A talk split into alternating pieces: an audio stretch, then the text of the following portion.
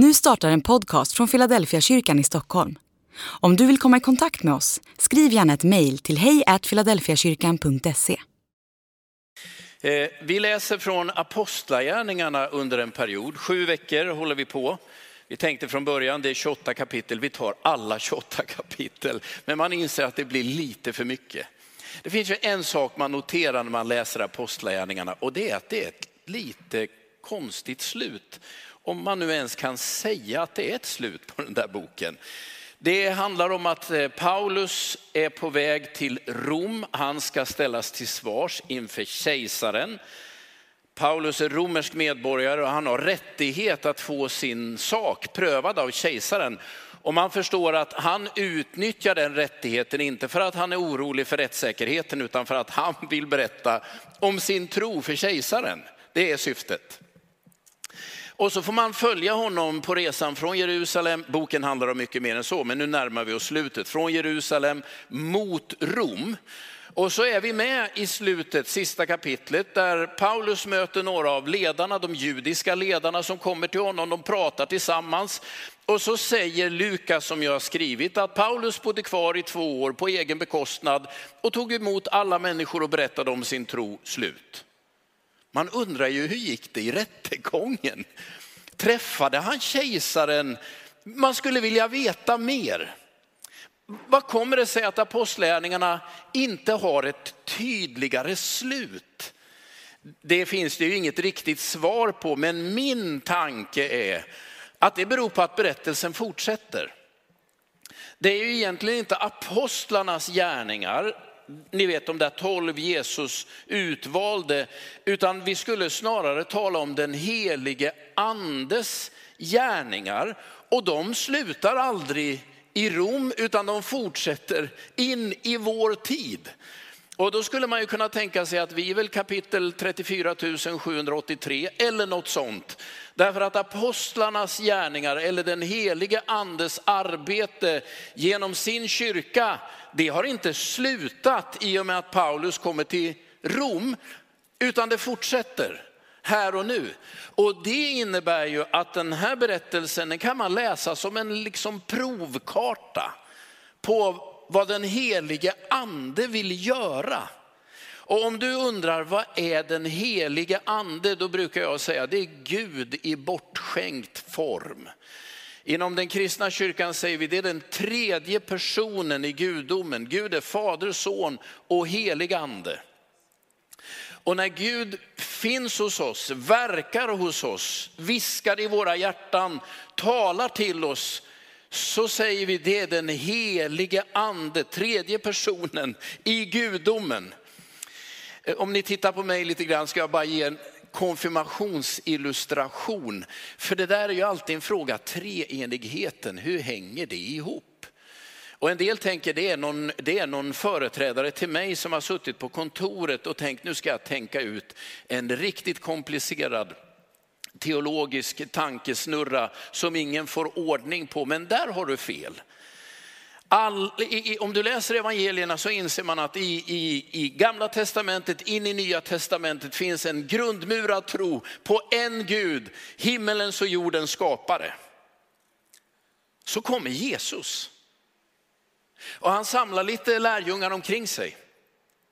Och läser man berättelserna, Matteus, Markus och Lukas, så inser man att de försöker lista ut vem Jesus är. Det är någon mirakelpredikant, han kan bota sjuka, han gör grejer som går utan på allt som mänskligt sett är möjligt. Steg för steg genom berättelsen så kommer ju lärjungarna till slutsatsen att Jesus måste vara Gud i mänsklig gestalt.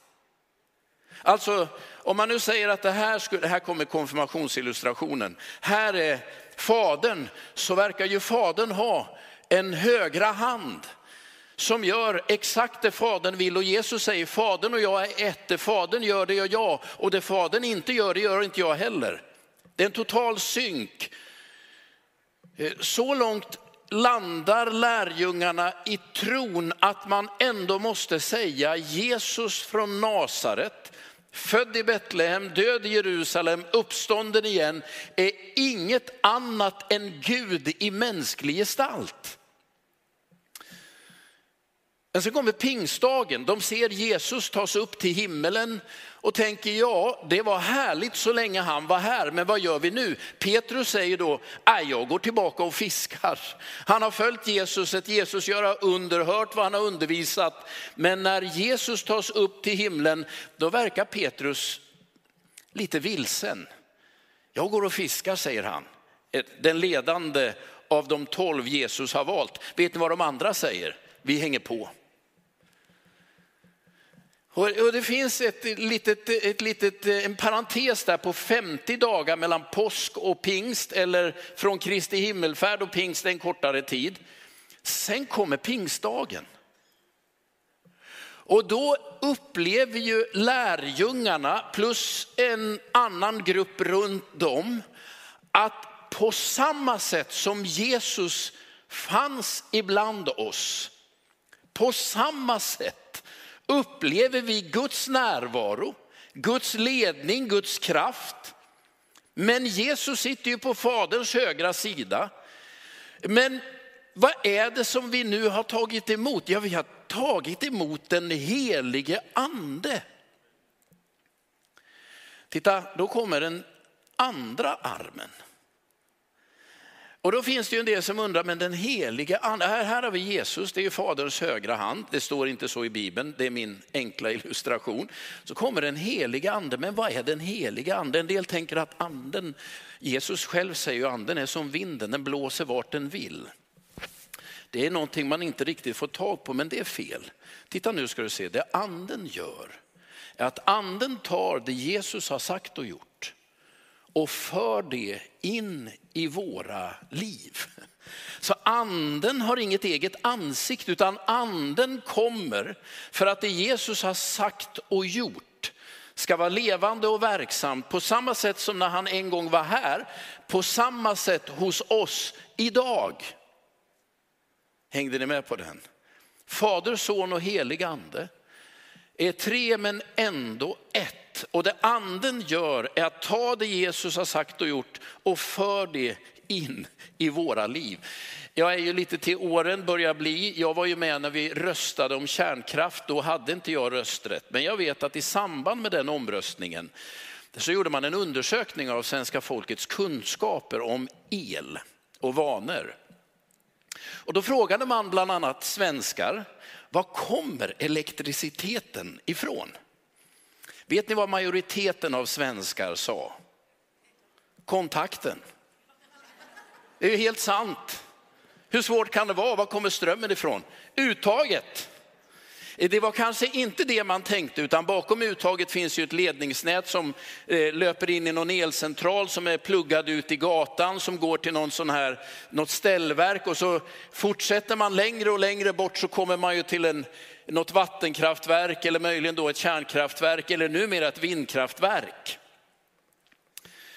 Det där har jag alltid tänkt på. Var kommer kraften i kristen tro från? Du säger en del, ah, men det är skönt att tro, alla behöver en tro. Ja, men det är lite grann som att säga att kraften kommer ur uttaget.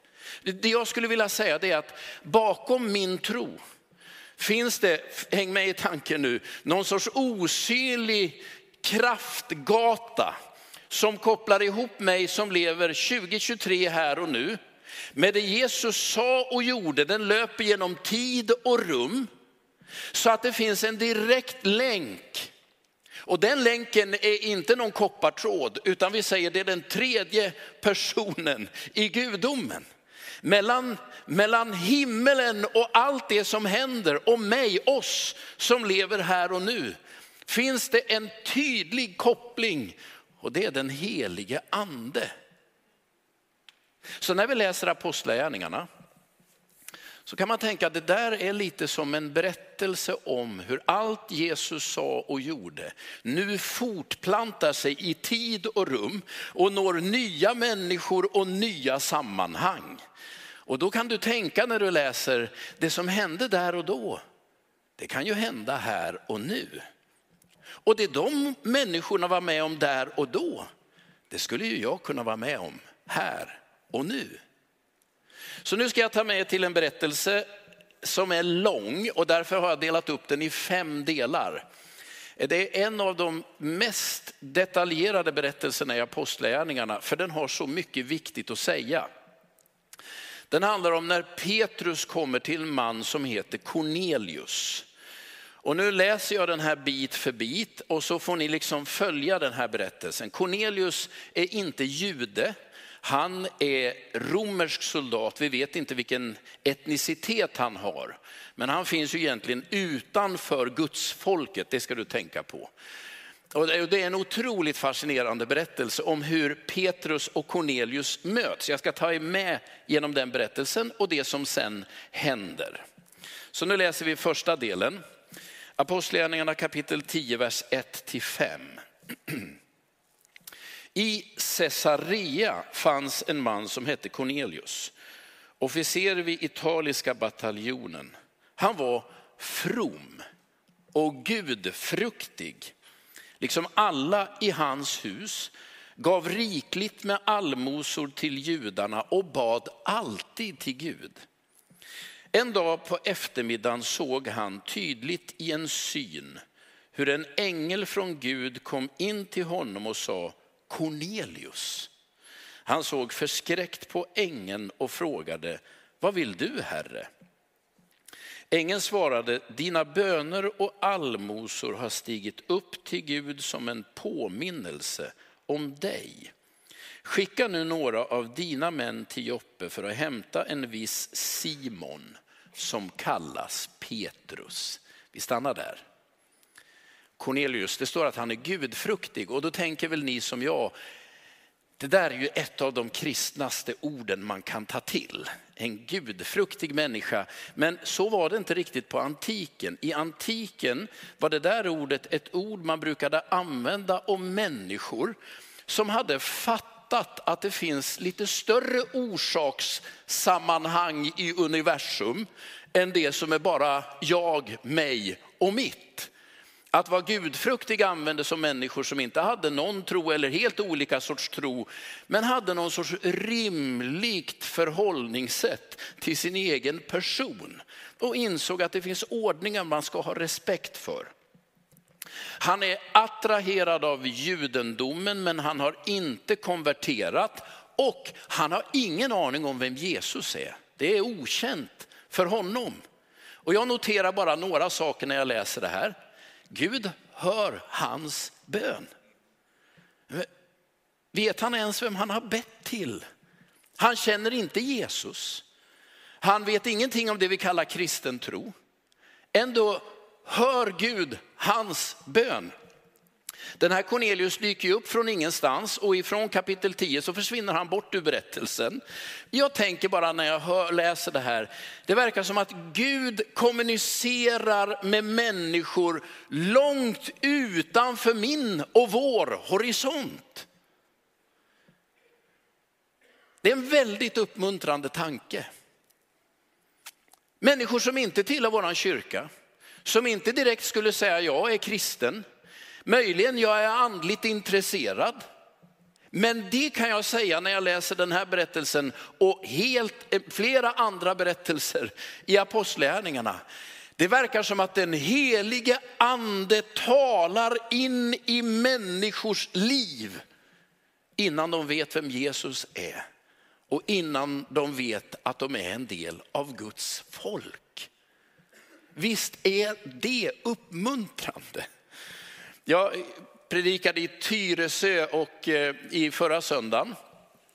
Och efter gudstjänsten där kan jag säga, för det var en offentlig, det var fler som stod där, så kommer en kvinna fram till mig och säger, nu ska jag bli med i församlingen.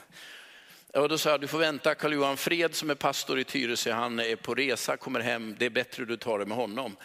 Och så frågar jag ändå, hur hamnar du här? Nej, men jag har nog trott på något hela mitt liv. Och en god vän till mig tog med mig hit. Och jag inser efter 20 år, här vill jag vara med. Och jag inser när jag pratar med henne, allt är förberett. Det är som att det redan är klart.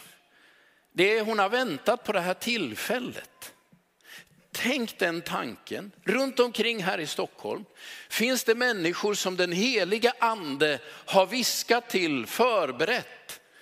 Som har bett till någon de inte riktigt vet vem det är, men de är förberedda. Jag brukar säga utan att veta, men jag tror att det ligger något i det, att i Stockholm finns det nog 200 000 eller 300 000 människor som direkt skulle bli medlemmar i Philadelphia om de bara visste att vi fanns och att de fick. Sen finns det väl kanske någon miljon som inte är där. Men 200-300 000 räcker gott för mig att tänka att den heliga ande samtidigt som vi nu sitter här bekänner vår tro och tillhörighet till Jesus. Den heliga ande rör sig runt omkring i Stockholm där vi minst anade, på din arbetsplats, i din trappuppgång, i din familj och förbereder människors hjärtan. Jag brukar tänka på Helen Keller, jag tror jag har nämnt om henne. En kvinna som levde i slutet på 1800-talet, föddes blind och döv och därmed utan någon möjlighet att kommunicera. Och då när hon föds så finns ingen möjlighet att bryta de här barnens isolering utan hon sätts på institution för att liksom långsamt transporteras genom livet. Så kommer en ung lärare till eh, den här institutionen där Helen Keller finns. Och hon bestämmer sig för att försöka bryta de här barnens isolering. Och börjar trycka i handen, göra ett teckenspråk genom att trycka i handen. Och Helen Keller själv har ju berättat om när hon första gången förstår. Det är när hon och hennes unga lärare står ute vid brunnen och läraren häller vatten över hennes hand och trycker tecknet för vatten. Och plötsligt får hon ett språk. Och, och, så är det en fantastisk berättelse. Så kommer den dagen då hennes lärare tänker, nu ska jag, måste berätta om evangeliet, om Jesus. Och börjar trycka i handen på Helen Keller berättelsen om Jesus och får då ett väldigt märkligt svar från Helen Keller. För hon svarar, den mannen har jag känt länge. Jag visste bara inte vad han hette. Jag tror att det är så det är med många människor. Cornelius brottas inte med någon känsla av synd eller skuld, det är inget vi ser. Det är likadant med den etiopiska hovmannen som vi hörde om förra söndagen. Människor längtar efter Gud, efter något mer, något större.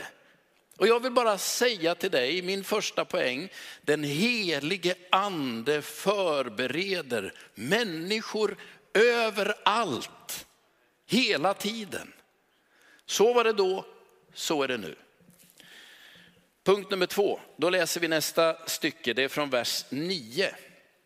Och nu får vi möta Petrus, den andra huvudpersonen i den här berättelsen. Nästa dag medan de var på väg och närmade sig staden gick Petrus vid middagstiden upp på taket för att be. Han blev då hungrig och ville ha något att äta. Medan maten gjordes i ordning föll han i hänryckning. Han såg himmelen öppen och det kom ner något som liknade en stor linneduk. Hängande i sina fyra hörn sänktes den ner på jorden och i den fanns alla markens fyrfota djur och kräldjur och himmelens fåglar.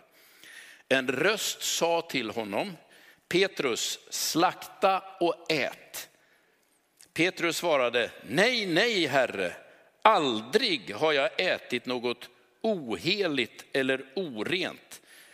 Då hörde han för andra gången en röst. Vad Gud har gjort rent ska du inte göra till orent.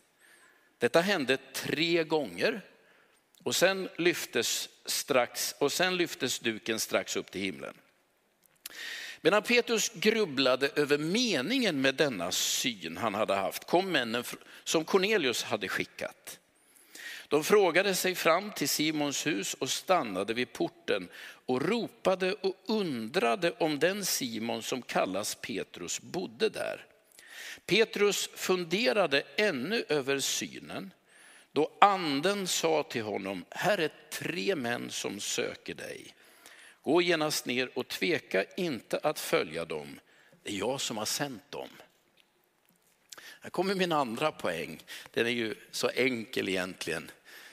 Petrus hör den helige ande tala. Han har en syn som han inte förstår. Men sen får han ju, gissar jag, en stark inre maning. Att de här männen som nu kommer, de är från mig. Jag undrar, det står ju att den helige ande säger det. Jag gissar att han har tänkt eller känt någonstans, får han i alla fall en väldigt stark känsla av, här är det någonting på gång. Vad ska man dra för slutsats av detta? Så vill den helige ande använda dig. Vi tänker ja, men Petrus var unik. Ja, fast poängen med hela berättelsen i Apostlagärningarna är ju att den helige ande opererar i varenda en som bekänner att Jesus är Herre. Det görs ingen gradering mellan någon mer from och mindre from. Anden är verksam hos alla som bekänner sig till Jesus. Vet du vad jag tror vårt största bekymmer är? Det är att vi tänker det gäller inte mig. Det gäller säkert någon annan. Och så läser man ju böcker om, om stora människor som har gjort enorma saker. Men det jag skulle vilja skicka med dig det är, det här är berättat för att du ska våga tro att den helige ande ibland viskar i ditt hjärta om människor som kommer i din närhet. Här dyker tre män upp, lyssna på dem, följ dem. Våga tro att den helige ande faktiskt kan ge dig en sån stark inre maning. Är det någon jag ska ta kontakt med? Jag kanske skulle ringa ett samtal i alla fall. Den där människan vill jag lyssna lite på. Nu behöver jag vara uppmärksam. Jag skulle, om vi nu kunde gjort det, om vi gjorde den här undersökningen, skulle vi hitta mängder av sådana här historier i vår gemenskap. Man vet kanske inte direkt innan, men efteråt inser man, det var Gud som ledde mig här. Det var Gud som gjorde mig uppmärksam. Hela vår gemenskap är fylld av de här berättelserna. Varför det? Jo, men därför att vi lever i förlängningen av apostlagärningarna. Så min andra punkt, om den första är, det är massor av människor som är förberedda. Så min andra punkt, var lyhörd.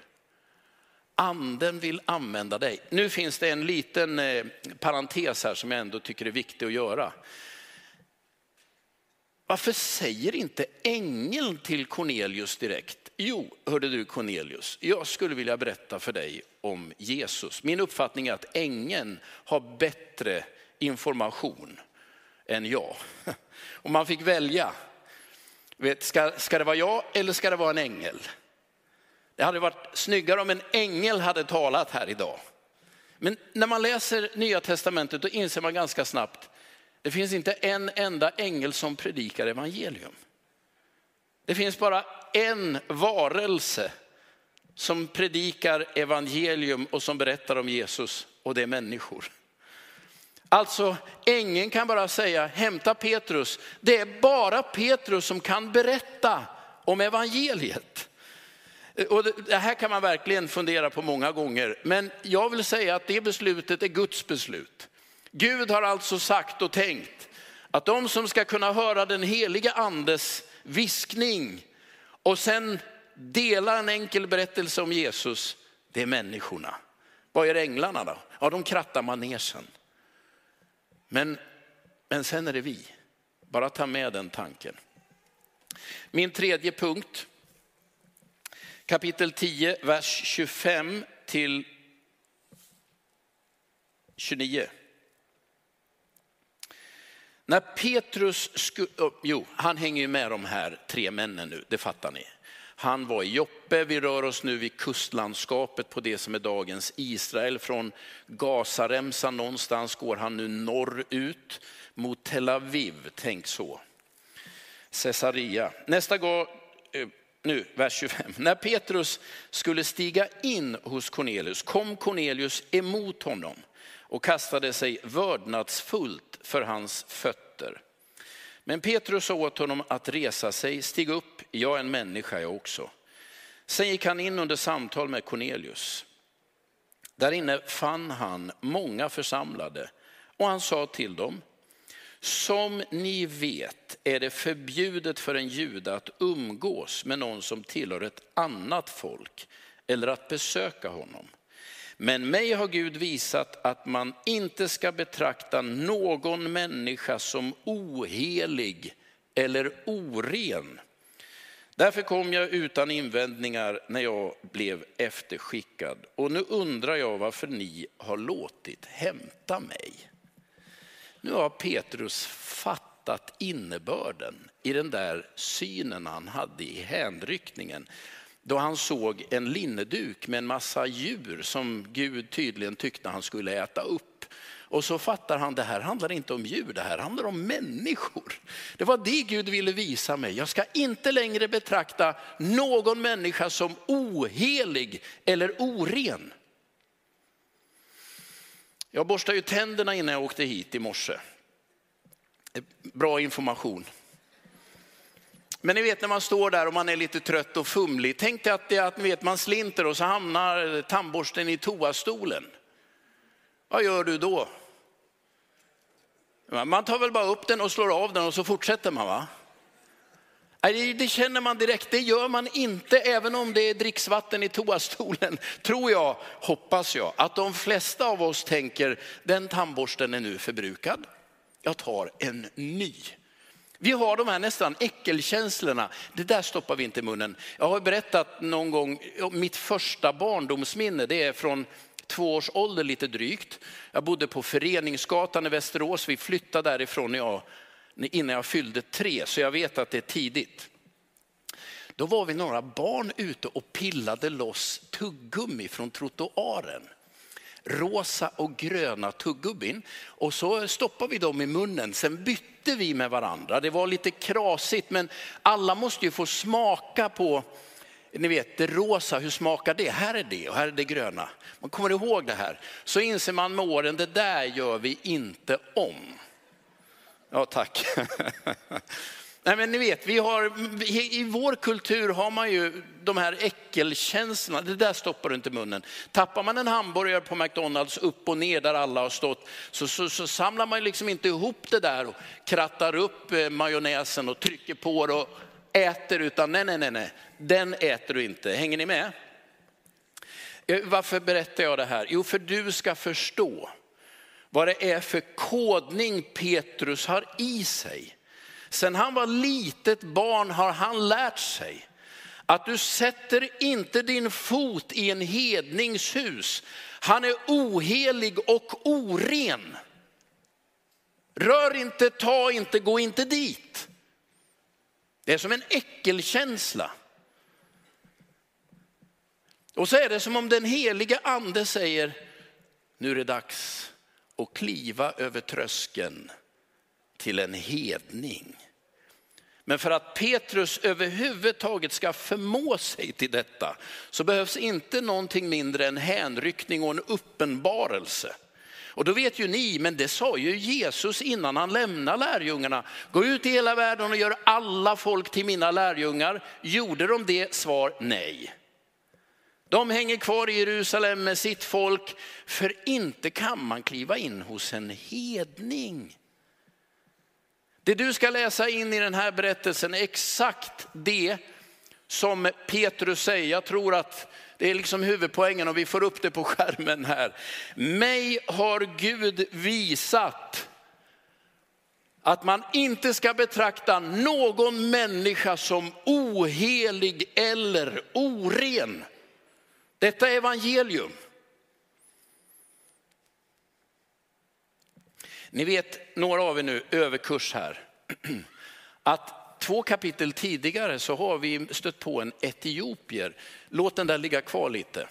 Han är etiopisk hovman och han är enuk. Han är alltså kastrerad, helt ofrivilligt är jag övertygad om. Det är likadant med hovenucken. Han, en enuk, får inte vara en del av Guds folk. Låt mig bara läsa femte Mosebok kapitel 23. Femte Mosebok kapitel 23 och vers 1. Ingen som har fått testiklarna krossade eller lämmen avskuren får upptas i Herrens församling. Det är väl jättetydligt. Så när den etiopiske hovmannen som ju har fått sina testiklar borttagna frågar, finns det något som hindrar att jag blir döpt? Så vet han ju precis att det finns gott om hinder. Jag får inte bli döpt. jag får aldrig upptas i Herrens församling. Men vad händer, ni som nu kan den här berättelsen, med Filippos som pratar med den etiopiske hovmannen? Här finns ju vatten, finns det något som hindrar att jag blir döpt? Så står det bara, Filippos stiger ner och döper honom. Vad betyder det? Han är nu en del av Guds folket. Och så kommer den här berättelsen. En hedning, ska han tas in i Guds folk? Vi går inte in dit. Följ med mig till Jesaja kapitel 56. Jesaja kapitel 56, vers 3 och framåt. Främlingen som sluter sig till Herren ska inte säga, Herren håller mig skild från sitt folk. Och den snöpte, det är den etiopiska hovmannen det, ska inte säga, jag är ett förtorkat träd. Ty så säger Herren, snöpta som iakttar mina sabbater och håller fast vid mitt förbund. De ska i mitt hus, inom mina murar, få ett namn, ett äreminne som är bättre än söner och döttrar. Ett evigt oförgängligt namn ska jag ge dem. Främlingar som sluter sig till Herren och vill göra tjänst hos honom. Älska Herrens namn och vara hans tjänare. Ja, alla som iakttar sabbaten och inte vanhelgar den och håller fast vid mitt förbund får komma till mitt heliga berg och glädjas i mitt bönehus. Och deras brännoffer och slaktoffer ska jag ta emot på mitt altare. Mitt hus ska kallas ett bönens hus för alla folk. Vad är det vi ser nu i apostlagärningarna? Där den snöpte tas in. Han som varken är man eller kvinna, oklar identitet, bort med han. Nej, säger den helige ande. Han tillhör folket, vad är detta? Uppfyllelsen av Jesaja profetia. Sen kommer Cornelius, vem är han? Hedningen, honom håller vi undan. Nej, säger den helige ande. In med honom. Vad är det nu som håller på att hända? Jo, en ny gemenskap som sträcker sig mot alla folk, alla människor överallt håller på att öppna sig. Ingen människa ska betraktas som ohelig eller oren. Var och en som vill bekänna Jesus Kristus som Herre och Frälsare är välkommen i Guds församling. Det är innebörden i de här berättelserna. Nu min sista poäng. Jag hoppar till, jag sa att jag hade fem punkter, jag hoppar, du hoppar över den fjärde. Nej, jag tar den fjärde förresten.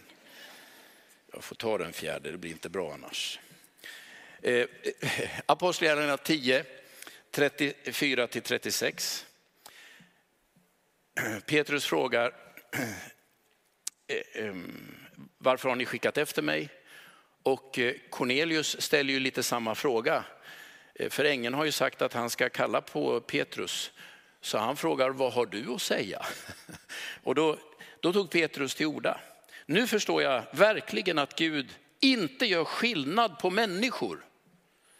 Utan tar emot var och en som fruktar honom och som gör vad som är rättfärdigt, vilket folk han än tillhör.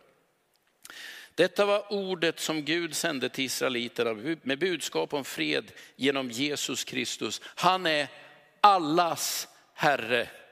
Vad är det Petrus gör? Han berättar om Jesus. Så det är min, det är min fjärde punkt. Min tredje, första punkten, den heliga ande har förberett människor överallt, det händer just nu. Den andra punkten, tänk om du skulle våga vara lite mer lyhörd, den heliga ande vill använda dig. Tredje punkten, det finns inga hinder kvar. Var och en som önskar är välkommen att bekänna Jesus och bli en del av Guds folk. Fjärde punkten, vad är det mer vi behöver göra? Vi behöver säga något om Jesus. Det är honom det handlar om. Och nu hoppar jag till min femte punkt. Apostlagärningarna 10, vers 47 och 48.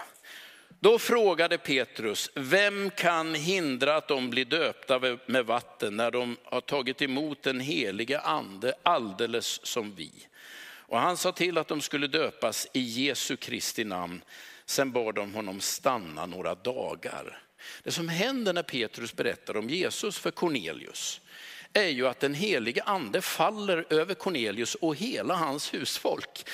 Det är som att anden i flera steg måste trycka på och övertyga Petrus Man skulle säga att det är ju kanske inte den ordning vi är vana vid, utan först tror man, sen blir man döpt och sen blir man fylld av helig ande. Men här är ordningen nästan lite huller om buller. De blir fyllda av den heliga ande och sen står ju Petrus där och säger, ja då får vi väl ändå döpa dem också. Här kommer nu min slutpunkt. Vad är det du ska göra som känner i ditt hjärta att det är någonting som är förberett? Gud har kallat på mig. Mitt svar är, du ska bekänna Jesus som Herre och Frälsare och så ska du låta döpa dig. Det är de stegen som Bibeln gång på gång upprepar. Vad säger de stegen? Du är en del av Guds folket.